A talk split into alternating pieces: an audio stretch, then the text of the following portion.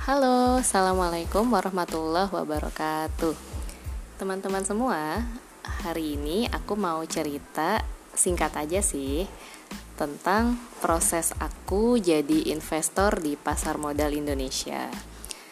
Ceritanya bermula tahun 2016, tepatnya bulan Maret.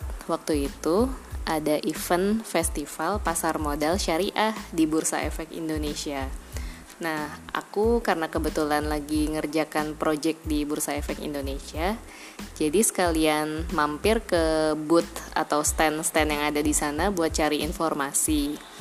Dan waktu itu akhirnya aku datang ke booth Indo Premier Sekuritas untuk membuka rekening sekuritas. Setoran awal itu 100 ribu kalau nggak salah. Dan iya sih 100 ribu betul dan proses pembuatan rekening itu tiga hari kerja kurang lebih.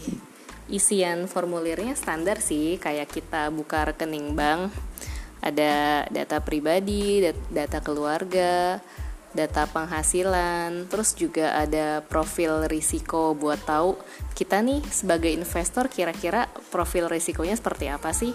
Apakah kita tipe investor yang moderat atau yang konservatif atau yang pertengahan. Atau yang agresif maksudnya.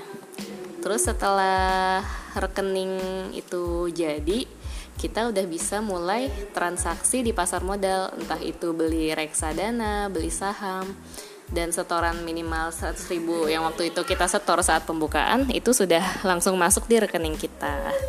Sekian itu aja sih singkatnya kapan-kapan disambung lagi dengan versi yang lebih baik insya Allah. Semoga Allah izinkan. Terima kasih. Wassalamualaikum warahmatullahi wabarakatuh